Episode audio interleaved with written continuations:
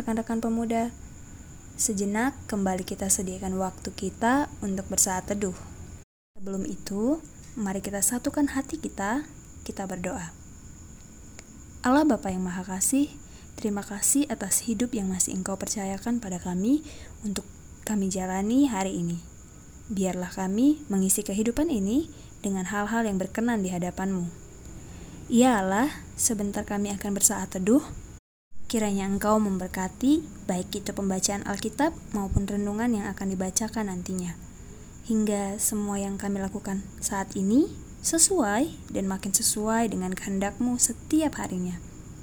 Dalam nama Yesus Kristus, kami berdoa dan bersyukur. Amin.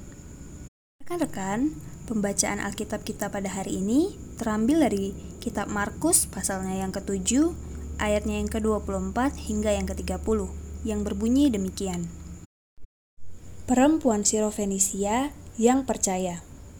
Lalu Yesus berangkat dari situ dan pergi ke daerah Tirus. Ia masuk ke sebuah rumah dan tidak mau ada orang yang mengetahuinya. Tetapi kedatangannya tidak dapat dirahasiakan. Malah, seorang ibu yang anaknya perempuan kerasukan roh jahat segera mendengar tentang dia, lalu datang dan tersungkur di depan kakinya. Perempuan itu seorang Yunani bangsa Siro-Fenisia. Ia memohon kepada Yesus untuk mengusir setan itu dari anaknya. Lalu Yesus berkata kepadanya, "Biarlah anak-anak kenyang dahulu, sebab tidak patut mengambil roti yang disediakan bagi anak-anak dan melemparkannya kepada anjing." Tetapi perempuan itu menjawab, "Benar, Tuhan, tetapi anjing yang di bawah meja juga makan remah-remah yang dijatuhkan anak-anak." Maka kata Yesus kepada perempuan itu, "Karena kata-katamu itu, pergilah sekarang, setan itu sudah keluar dari anakmu." Perempuan itu pulang ke rumahnya, lalu didapatinya anak itu berbaring di tempat tidur, sedang setan itu sudah keluar. Rekan-rekan, adapun judul renungan kita pada hari ini ialah verbal statement. Menurut ilmu komunikasi, ada empat macam bentuk komunikasi, yaitu verbal, nonverbal, tertulis, dan visual. Di antara empat wujud komunikasi tersebut, komunikasi verbal adalah yang paling umum digunakan karena mudah dan cepat. Selain itu, komunikasi verbal bisa dikatakan bentuk komunikasi yang paling komprehensif.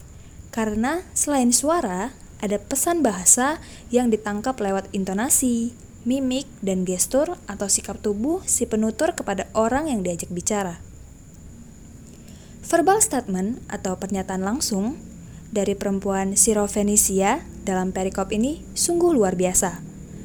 Benar Tuhan, tetapi anjing yang di bawah meja juga makan remah-remah yang dijatuhkan anak-anak. Ayatnya yang ke-28. Pernyataan ini merupakan respon sang ibu terhadap tanggapan Yesus yang terdengar berbau rasis dalam tanda petik.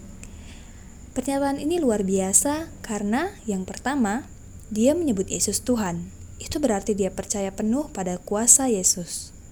Yang kedua, keyakinannya bahwa anugerah kesembuhan dapat diperoleh oleh siapa pun, bukan hanya orang Yahudi. Pertanyaannya sekarang, mengapa pernyataan Yesus terdengar rasis?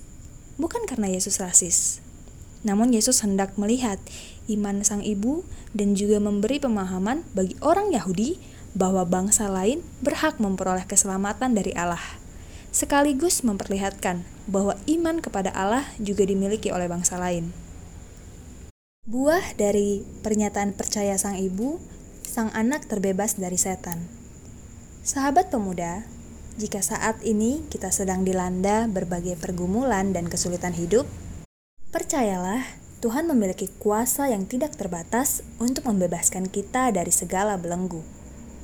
Sebelum kita memulai aktivitas kita hari ini, Naikkan doa dengan kata-kata yang terucap sebagai ungkapan iman bahwa Tuhan sanggup memelihara kehidupan kita sepanjang waktu. Demikian renungan kita pada hari ini. Kiranya ini menjadi pengajaran sekaligus menjadi penyemangat baru bagi kita. Mari kita berdoa. Allah Bapa yang penuh kasih, kembali kami naikkan syukur atas berkatmu yang tak berhenti melimpahi hidup kami.